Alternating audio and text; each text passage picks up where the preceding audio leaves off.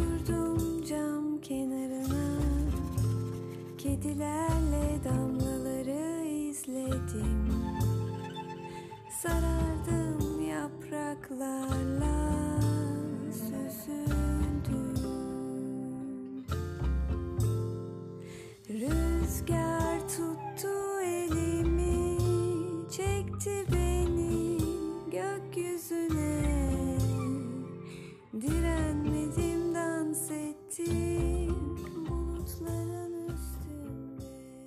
11.18'den herkese merhaba. Ben Onur Ak Mehmet. Bu haftaki konuğum fonda Sonbahar adlı şarkısını dinlediğiniz müzisyen Güneş Özgeç. Güneş kendi şarkılarını seslendiren bir solist olmasının yanında ses ve müzik alanlarında yıllardır çalışmakta. Onunla bir öğleden sonra Taksim'de oturduk konuştuk. Sohbetimize geçmeden Güneş'i biraz tanıyalım.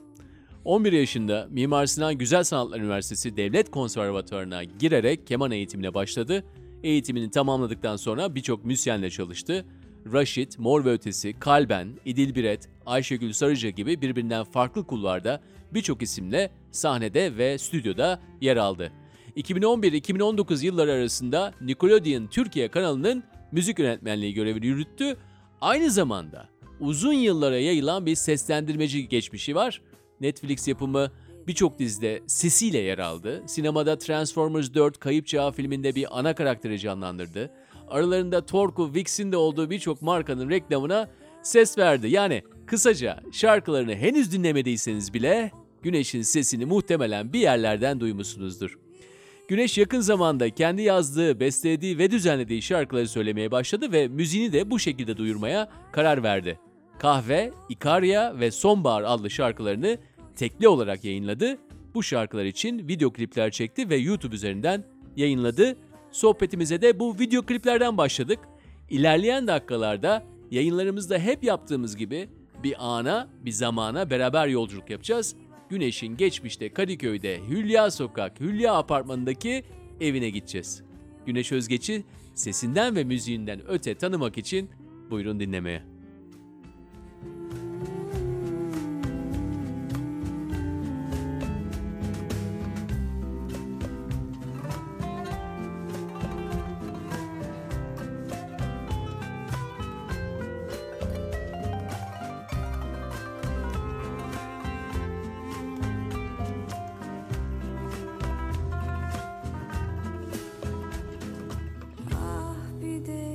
Unutabilsem her şeyi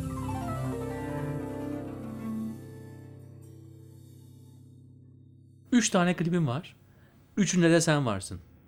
Ha evet Evdesin, sokaktasın, plajdasın, kumsaldasın diyelim. Plaj değil. evet Ama sen varsın hep.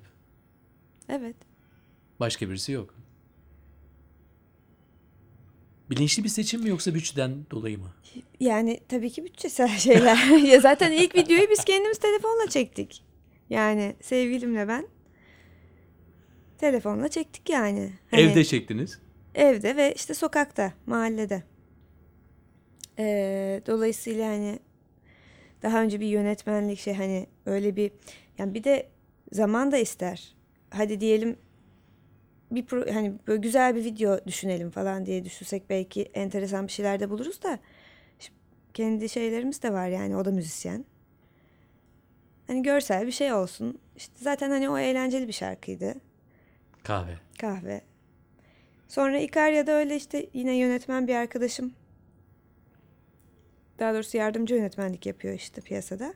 Kendi için bir şey yapmak istediğini. işte bana bir video çekmek istediğini söyledi. Yani yine en basit olan şey tabii ki hani benim bir yerlerde duruyor olmam ve onun güzel görüntüler halinde çekilmesi olduğu için. Yoksa biz de isteriz yani. yani ben isterim böyle büyük güzel prodüksiyonlar ya da işte bir senarist olsun. Birkaç insan benim için bir şey oluştursun isterim tabii ama yani şu anda öyle bir şansım olmadı. Sonbahar da aynı şekilde fotoğraflarımı çeken arkadaşım Merve. Yine o da evde ve ormanda ve sokakta. Evde, kumsalda, sokakta. Yani eldeki imkanlarla diyeyim. Tamam sorunun cevabını aldım. Yani bütçeden Evet. dolayı. Tabii ki. Aynı zamanda sen gerçekten de bağımsız bir müzisyensin. Yani bağımsızlığın Evet. hani bazılarının yalnızca önünde bağımsız vardır ya ama değildir esasında. Gerçek bağımsızım ben. Evet biraz öyle ve hani e, anlıyorum diğer taraftan isteğini de. Hepimiz daha büyük stüdyolar falan isteyebiliriz de ve o çok normal de. Aynı zamanda seçimlerini de o bağımsızlıktan yapmaktan da hiç imtina etmiyorsun yani bağımsız Yani çünkü ya bir şey yapmayacaksın şimdiye kadar yaptığım gibi yani. Hani güvenli kısımda durup. Ya da işte olan imkanlarla ortaya bir şey çıkaracaksın. Yani videoda aslında video olmasa da olurdu şarkılara belki ama işte hep böyle şey diye bir düşüncem var. Yani video olmadan şarkıya nasıl yönlendireceksin? Şimdi şöyle bir şey oluyor yani her saniye Spotify'a şimdi Spotify diyorum daha çok o kullanılıyor gibi geliyor bana da neyse belki de hani iTunes'u kullanan da çok vardır.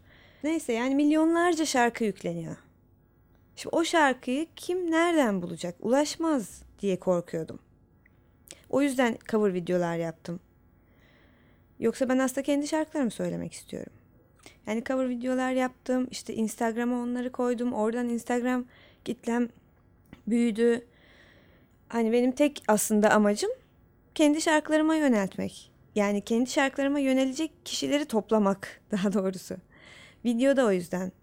İşte hani onu yayınlarım. Oradan görüp hoşlarına giderlerse işte şarkıyı dinlerler falan gibi bir şey. ama o zaman sen görseli kullanıp işitsele insanları yöneltmeye çalışıyorsun.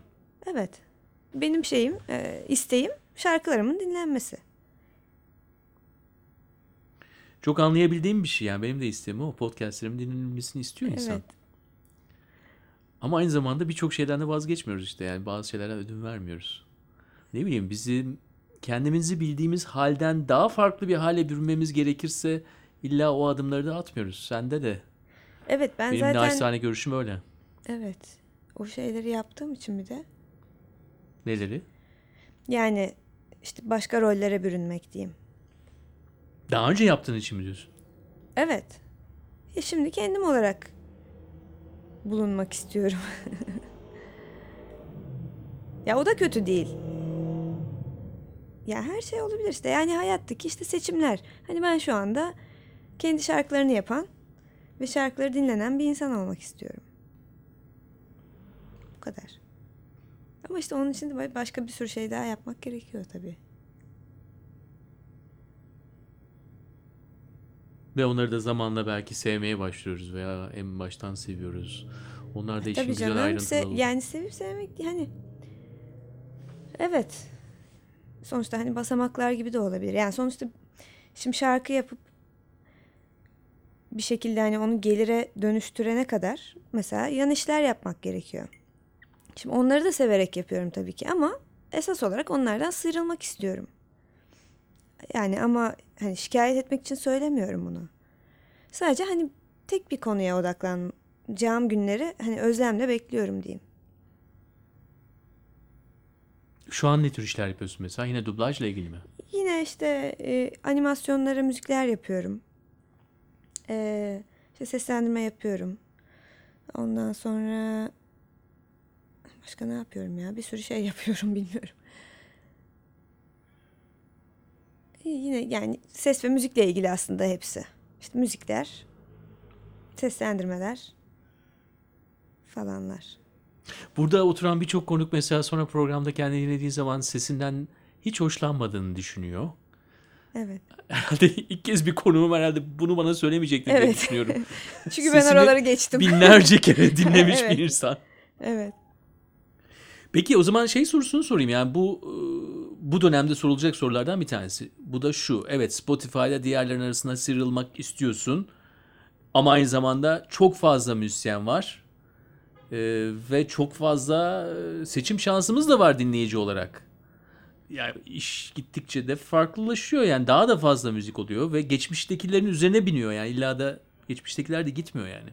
Ha tabii tabii. Ya o, o işin rekabet tarafıyla ne kadar barışıksın yoksa hani bu da olur, bu da belki olur mu diyorsun yoksa daha böyle ne bileyim böyle yumruklarını sıkıp Ha. Yok. Yani bilmem nasıl olacak o ya. İçsel olarak diyorum canım Ha. yani yumruk.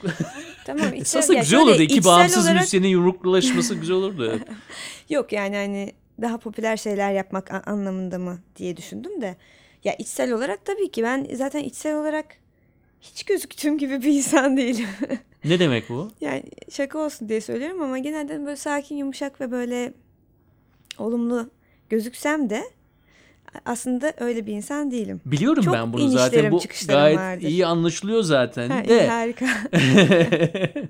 Yani gün içinde ben zaten çok diplere ve çok yukarılara çıktığım için hani içsel olarak o yumruklaşmalara tabii giriyorum. Ya ama diyorsun- çıkıyorum da yani. Orada da değilim hep. Girdiğim oluyor ama. Evet yani zaten sanatçı olmanın gereği olan bir şey bu ama hani Muhtemelen.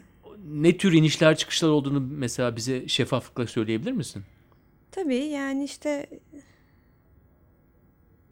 yani ne tür işte hep hani başarısızlık hani o tırnak içinde söylüyorum. Çok boktan bir laf bence. Bok dedim eyvah. Ama söyleyebiliyoruz. tamam. Bok falan. Neyse. Ee, yani o işte başarı hani kaygısı gibi bir şey oluyor ya. O insanı allak bullak ediyor zaten sürekli. Yani bir şeyler yapıyorsun olacak mı olmayacak mı? İşte başkalarını görüyorsun çok iyi şeyler yapıyor. Bu arada sen de dışarıdan çok iyi durumda gözüküyorsun bir sürüsüne. Ya ünlü falan sanıyor beni bazı arkadaşlarım. Çok şaşırıyorum yani. Yani nedir ünlü ne demek zaten de. Halbuki ben kendi içimde hani böyle acayip savaşlar veriyorum.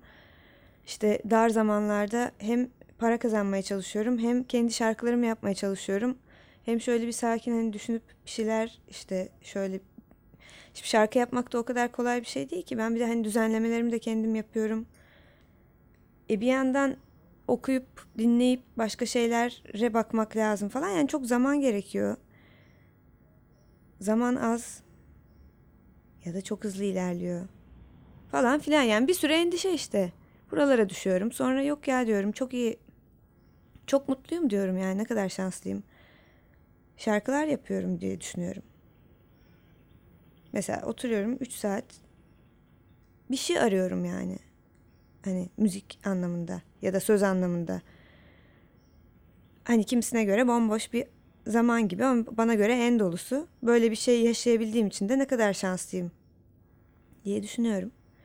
İşte bu umut ve umutsuzluk arasında gidip gelen küçük hayatımdayım. Ee, bu işi yapmadan önce ne yapıyordun desem? Hangi işi? Solistliği, şarkıcılığı, müzisyenliğin bu halini, Şu an son geldiğim haline. son geldiğin Tamam. halini. Şimdi anlatıyorum, başlıyorum efendim. Ben çok erken çalışmaya başladım. Çocuk işçi olarak diyor değil mi? Yok ama ya şimdi annem seslendirme yönetmeniydi TRT'de.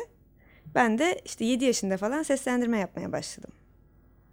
O yüzden ilk hani onu söyleyebilirim iş olarak. Bayağı uzun işte TRT'de yaptım. Reklam seslendirmesi yaptım. Ee, yerli filmlerde yaptım falan. Sonra zaten 11 yaşında konservatuara girdim. O dakikadan itibaren de işte profesyonel müzisyen oldum diyebilirim yani.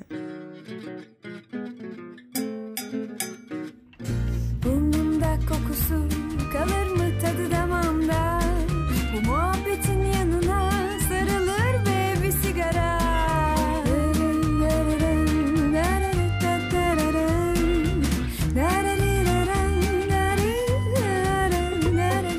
Sahnemin hızına yetiştim Söylediklerini dinledim. Bir de zamanı durdursam Dalsam ormanın içine koşsam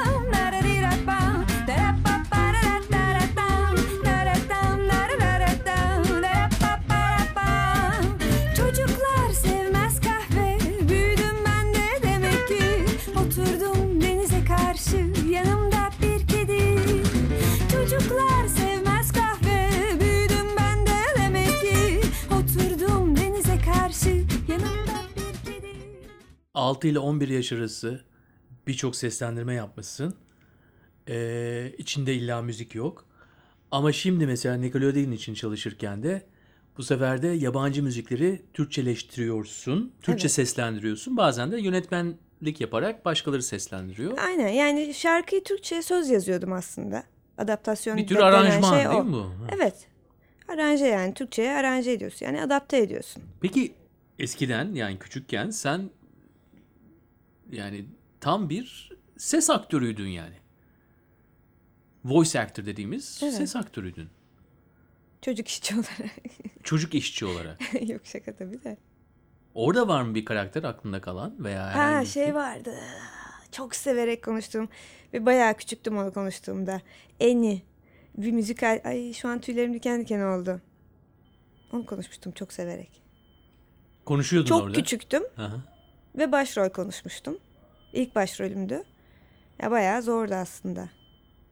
Peki dublaj stüdyosunu bilmeyenler için sen onu konuşurken diğer aktör Ha şöyle. o zamanlarda yanında mıydı? Ha, evet çok güzeldi o zaman. Şimdiki gibi değildi. Şimdi tek tek herkes giriyor. O zaman hücum kayıt oluyordu. Herkes bir arada yani Müşfik Kenter'le falan yan yana giriyorsun yani. Ve kimler kimler. Yani tabii ben çok heyecanlanıyordum ve korkuyordum genelde. Çünkü şakır şakır konuşur onlar yani. Tekleme deriz biz teklemeden. Hele o zamanlar bir de bant vardı. Yani şimdiki gibi değildi. Makara banda kaydediliyordu. Yani teklemek kabul edilmeyecek bir şeydi yani. Bantı harcamış oluyorsun. Bandı harcamış oluyorsun bir daha onlar kesiliyor falan oluyor. Yok ısınıyordu işte filan. E, Çok zevkliydi ya. Gerçekten çok zevkliydi. TRT'de hala hücum kayıt alınıyor ama TRT'de artık kayıt alınmıyor pek. Ama yani çok eğlendiğim yine yakın geçmişte. Benim şöyle oldu. İşte çocukluktan itibaren dublaj hikayesi falan filan. İşte lisede falan benim okul çok ağırlaşınca ben bıraktım. Sonra üniversite sonlara doğru tekrar başladım. O ikinci başladığım zaman da böyle çok eğlenceli kayıtlarımız oldu işte. Oya Küçümen'i bilir herkes herhalde. Ya mesela Herkes bilir. onunla yani beraber herhangi bir şey konuşmak aşırı eğlencelidir. Çünkü o o karaktere ya bambaşka bir şey katar yani. Çok acayiptir. Çok. Çok yetenekli ve harika bir insan ve çok komik. O zaman hücum kay- kayıt olduğu zaman aynı stüdyodasınız, yan yanasınız. Yan yanayız. Kimi zaman kucak kucağa. Ben küçüktüm bir de kucağa oturtuyorlardı beni. yani böyle şimdi stüdyoyu nasıl diyeyim? Şimdi kaç metrekare falan ben o şeyleri de hiç bilemem. Tarif etmek zor gelir ama işte dört ya da beş tane mikrofon var diyelim. İkisi ayaktadır. İşte üçü de oturaraktır şu an bizim oturduğumuz gibi. O koltuklara bazen çok kalabalık sahneler olur çünkü. İki kişi oturur. Ben de küçük olduğum için o iki kişinin kucağına otururum. İşte sırası gelen boynunu uzatıp mikrofona bir yandan elde kağıt var onu hışırdatmaman lazım falan. Öyle yani güzel çok güzeldi. Ama senin o yaşlarda bir de kağıttan okuman var. Yoksa ezberliyor musun? Nasıl yapıyordum ya şimdi bak sen söyleyince. Herhalde çalışıyordum ben zaten önceden. Yani annem e, zaten seslendirme yönetmeni olduğu için ilk başta o kaset alıyordu eve geliyordu. kaset vardı o zaman. Kasetten kendisi filmi izleyip işte hangi karakteri kimi konuşturacağını falan filan çalışıyordu. Evde kaset olduğu için benim tekstimi de önceden getiriyordu eve. İşte çiziyorduk. Bir de tekst çizme vardı o zaman. Ee, ve ben çalışıyordum. Güzel bir örnek yani hücum kayıt güzel. Zevkliydi çok. Ya gerçi şu anda zevkliydi diyorum da bu, bugünden bakınca zevkliydi. O zaman nasıldı? Yani zevkli anları da vardı. Gıcık olduğum şeyler de oluyordu falan. Tiyatrocular bazen yüksek enerjileriyle irite edici olabilir ya. Ben çok alışkınım ve çok arkadaşım da var ama kimisi böyle bir sahte buluyordum falan küçükken böyle gıcık olurdum bazılarına. Yani oyunun sırasındaki hareketlerini mi dublajda Yok. yoksa genelde Yok, hayattaki şeylerini hayattaki- mi? hayattaki. Büyük büyük. evet evet aynen. Bir de ben tabii annemin kızıyım işte yönetmenin kızıyım falan. İşte yani. Herhalde bazen yapay bir ilgi mi görüyordum kendime bilmiyorum. Bazılarından rahatsız olurdum yani. Evet anlıyorum. ya ama sende tabii biraz e, armudun dibi durumu var. Evet. Armudun dibi düşme. Düşme. Düşme, evet, düşman. İşte bu kesilecek mi kalacak mı? Mesela kalabilir çünkü güzel bir Freudian, e, F- Freudian. Ee, bu dil sürçmesi bir Freudian bir durum yani sonuçta. En iyi dostlarımız olan anne ve babamızın işlerini hayatımızın bir kısmında e, yaptığımız zaman burada ister istemez bir e, Düşman. sevgi düşmanlık hissi çıkacaktır herhalde. Yani mümkün değil başka türlü olması. Evet. Nasıl oldu sence? Yani e, babam müzisyen, onu biliyorum. Babam müzisyen. Ben stoklamadım. Onur stokluyor benim için. Ee, sağ ol Onur. Anne de dublaj yönetmeni Evet. yıllardır. Peki ikisinin içinde de ikisinin işinde de sen varsın hayatının belli dönemlerinde. Evet. Ne dersin mesela dışarıdan baksan böyle bir şeye? Ben armudun dibi diye böyle bir atasözü kullandım. Evet yani ne şanslıyım falan diye de düşünüyorum. Bir de hani böyle bir anlamda da paylaşımlarımız ol- olabildiği için çok güzel. Çünkü bazen insanlar hani yani bana da oluyor ailenle konuşacak şey bulamazsın falan ya. Güzel yani. Çok güzel bir nokta. İçindeyken fark etmiyor insan ama e, bazen hani ben de dışarıdan bakınca "Aa, ne kadar iyi abi. Hani ikisinin de işini yapıyorum. Tam olarak ikisinin çocuğuyum gibi falan hani ikisinin birleşimi yani hem fiziki hem işte falan hücrelerim hem de hayatım. Hoş yani bence. Evet. Bu soruyu sana sormamın nedeni biyografine de bunları yediriyorsun. Yani bunu mesela söylüyorsun, bu bilgileri de veriyorsun. Geçmişinle birlikte verdiğin zaman. Ee, E çünkü onların sayesinde olmuş oluyor. Yani ben kendi kendime buralara düşmüş değilim. Onlar beni tutup çekmiş. Yani çünkü çok küçükken hani konservatuar da küçükken başlanan bir şey. E, O da ailen istedi. Yani ben kendim karar verdim. Gerçi ben istemiştim. E, İlkokul 3'te ilk söylemişlerdi bana. Konservatuara gir falan diye. O zaman istememiştim. Sonra ben konservatuara gireyim demişim. Ve öyle girdim. Ama yani sonuçta tabii ki onların yönlendirmesi falan filan. Seslendirme öyle. E, Seslendirmeden kaynaklı olarak bu e, çizgi film şarkılarının adaptasyon hikayesi ve aslında bir şekilde o söz yazma egzersizi olmuş oluyor. İşte yani hepsi birbirine bağlı gibi görüyorum. O ilk mesela adaptasyonumu, ilk işimi hatırlıyorum. Freni'nin ayakları diye bir şey TRT'de. Onu babamla çalışmıştık. Ben bir şey yazdım. Ya o kadar çalışmıştım ki ona. E o zaman anne babadan bahsettik. Biyografinde de çok var. Yani ne E, yazmışım? etrafta şarkıların dolaştığı, e, bir evde büyüdü ve He. şiirlerle, şarkılarla büyüdü şeklinde. Çok normal bunu yazması Şöyle, zaten. Yani şimdi e, Madalyonun Şimdi- diğer tarafını mesela burada söyleyebilirsin. ha tabii ki. Şimdi şöyle, e, babam gerçek bir bağımsız sanatçı o da. Ve çok çalışkan bir insandır yani gerçekten o bir de biz işte benim annemle babam ben çok küçükken ayrıldı. İşte 8 yaşlarında falan. Annem TRT'de çalışıyor. Babam hafta sonları gitar dersi veriyordu. Hafta içi evde kendi çalışıyordu işte bağımsız bir müzisyen olarak. Ve ben hafta içi babamla kalıyordum. Hafta sonu annemle kalıyordum. Babam da şöyledir yani kalkar sabah kahvaltı. Hakikaten işte müzikle başlayıp işte çalışır, yazar, çizer, gitar yani öyle bir hayatı vardı. Ya hala da öyle. Bir de ben varım. Ben de işte oralarda takılıyordum yani. Televizyon falan da yoktu.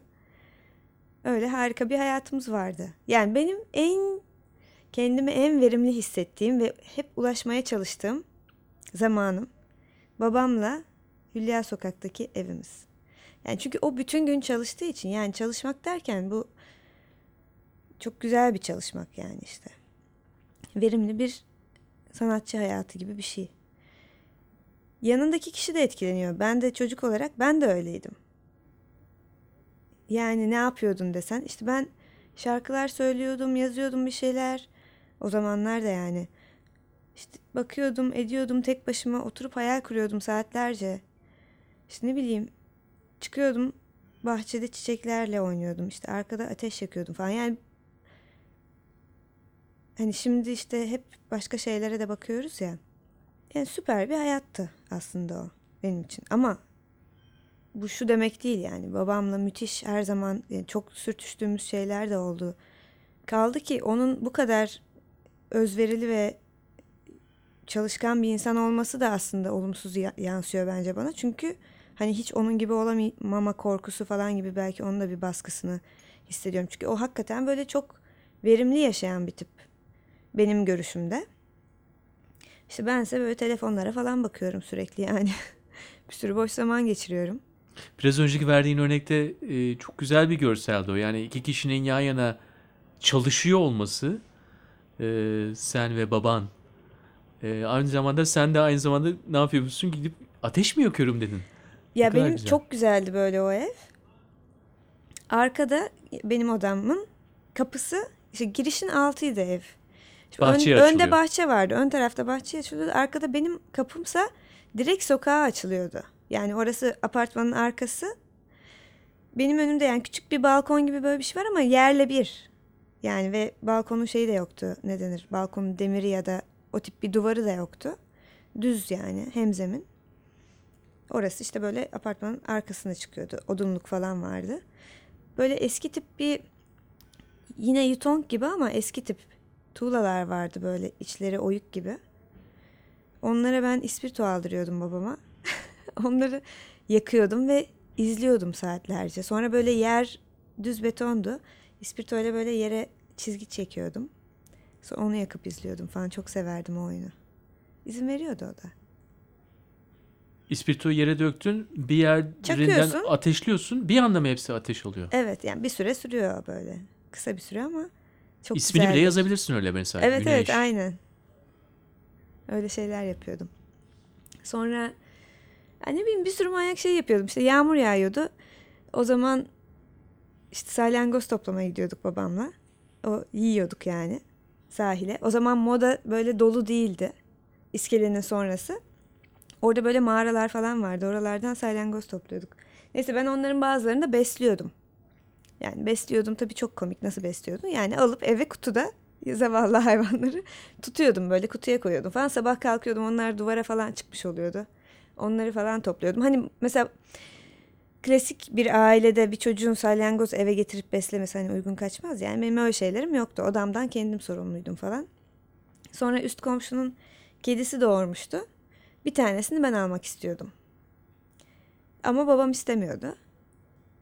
Sonra o benim göz koyduğum kediyi yan komşunun çocuğu aldı. Ben de sevmeye gitmiştim. Sonra baktım böyle çocuk kediye işkenceler yapıyor. Kuyruğundan falan çekiyordu. Ve ben orada yumruğumu masaya koydum ama yani bu sırada işte 9 yaşında falanım. Kediyi onlardan aldım eve getirdim. O gün babam herhalde geç geliyormuş. Cama not yazmıştım duruyordur o not. İşte minik artık bizim kedimiz oldu. İşte klozetin kapağı kapalı duracakmış. İşte leğene ben gazete kağıdı koydum. Oraya işte tuvaletini yapacak. Ben hani yani o izin vermiyordu ama hani öyle bir noktaya geldik ki ben artık Geri dönülmeyen noktadayız. yani aldım onu. Ve babam da hakikaten hiçbir şey demedi. Öyle kedimiz olmuştu. Çok tatlıydı. Ama sonra sen gideceksin. Bu Baban bakacak yani kediye iki gün. Ha. Ha yok e, ne olacak canım kediye bakmaktı ki. Ben önce zannettim ki salyangozları kediye verdin onları yedirttin falan. Yo düşündüm. hani şey diye söylüyorum bunu hani böyle de güzel bir evdi o. Hmm. Yani orada biz babamla baba kız gibi değil de iki ev arkadaşı gibiydik ve hani benim gerçekten düşündüğüm zaman en böyle kendimi verimli hissettiğim yani ve hedef olarak orayı koyduğum dönemim o Hülya Sokak'taki ev. Hülya Sokak, Hülya Apartman. Çok güzeldi. Kulağa gerçekten güzel geliyor. Çünkü birçoğumuz böyle çocukla zaman geçirmeyi hani onun her hareketi içerisinde yer almak, beraber zaman geçirmek, beraber oyun oynamak, e, beraber beraberin esas da anlamı çok daha farklı olabilir yani. Çok Evet. bağımsız bir beraberlik de var. Evet. Ya herkesin hayatı tek zaten. Yani biricik. Kuralları kimse koymuyor. Biz koyuyoruz. Öyle düşünmeye düşünmek zor geliyor ama aslında öyle. Gerçekten öyle yani. Her anını sen seçiyorsun aslında yani. Ee, şimdi burada tabii söylemek istemeyeceğim bir sürü karanlık şeyim var dünyamda ama hiçbir- on, Nasıl söyleyeyim ki yani? Çok zor. Geçen gün öyle bir röportaj yaptım işte. o tarz bir soru vardı işte. İşte sevgilinlesin, o da müzisyen. İşte kedileriniz var, işte modadasınız falan. Hani ya dedim bu soruyu çıkaralım çünkü Ay, Sorusu var mıydı peki? Devamı geldi mi? işte şanslı mısın falan gibi bir şey. Hani çok mu şanslı bir kadınsın falan gibi. Ha modada yaşıyorsun, kedilerin var ve sevgilin olduğu için. Yani işte ben de hani dedim ki yani bu böyle hani şey gibi bir de sanki oh ben böyle derdim tasam yok. Yani ki öyle olsa da hani ya zaten öyle bir şey mümkün mü canım? Derdi tasası olmayan bir insan. Ama hani böyle bir tuhaf gözüküyor dedim yani. Sanki ben böyle zengin kızıymışım da falan gibi yani hiç öyle bir şey yok. Yani e, çaba sarf ediyorum sonuçta. Kendi hayat standartımı oluşturmak ve sürdürmek için. Her açıdan yaşamımı kendim oluşturuyorum. Hiçbir bağımsız olarak diyeyim yine. Evet. Yani ben zaten işte hani diyorum ya aslında 2011 gibi falan bu işlere yani artık ben kendi şarkılarımı yazmak istediğimi tam olarak anlamıştım işte. Denemelerim olmuştu böyle yükseliyordum falan o işe. Ama işte sonra hani bazen işte maddi durumlar ya daha doğrusu onun düşüncesi yani o baskı çok kötü hani parasız kalırsam o bir şeyleri yapmaktan alıkoyuyor.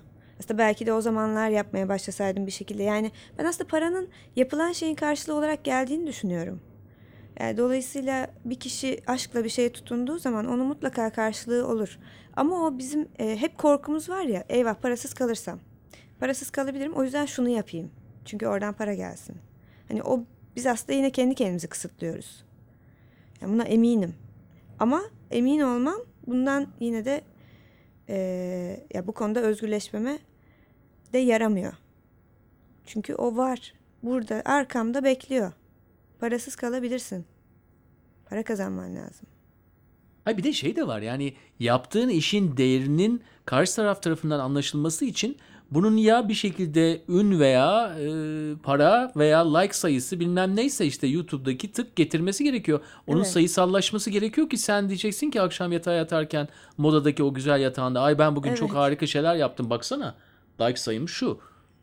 Evet. Şu kadar para kazandım. Şu kadar sahneye çıktım. Şu kadar şarkı yaptım. Evet yani işte ondan sıyrılınan anlar oluyor tabii.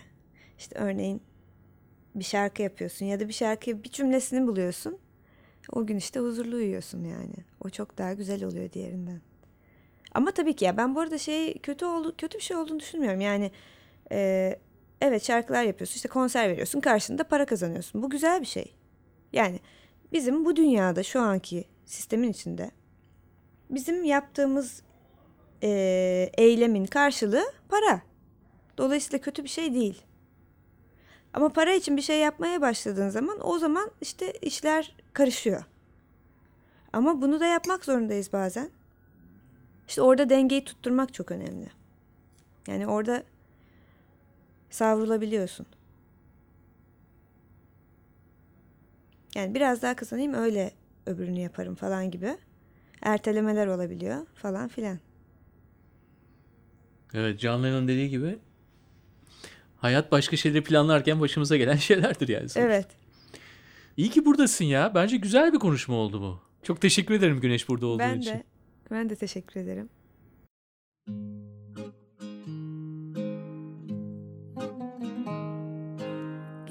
Gitmiştim bir kez yine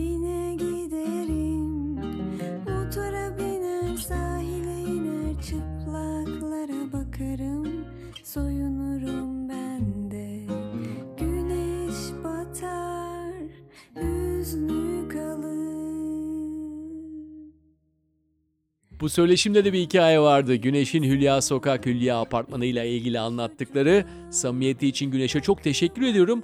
Bu hikaye bir dinginlik ve duruluk hissiyle yerini bulmuş oldu. İşini yapma haline de bunu yansıtmış Güneş. Yaptığın şeye inanıyorsan ve severek yapıyorsan bir karşılığı mutlaka gelir diyor. Fakat hepimizde olan ya beş parasız kalırsam gibi gündelik endişelerle birlikte ikisi aynı anda var. Bir olduğu gibi kabul etme hali. Bunları duymak birçoğumuza iyi gelecektir. Haftaya yeni bir konukla buradayım. Fakat kapatmadan bir anonsum var. Ekim'den beri süre gelen hikaye anlatma etkinliğimiz Anlat Hikayenin sonuncusunu bu ay düzenledik. Geçen hafta yayında iki anlatıcımızın sahnede anlattığı gerçek hikayelerini dinlediniz. Mayıs'ın 24'ünde her ayın birinci ve ikincisinin yarışacağı sezon finali var. Maslak, Unique'de bu özel gece tüm 11-18 dostlarıyla bir araya geleceğimiz bir kutlama olacak.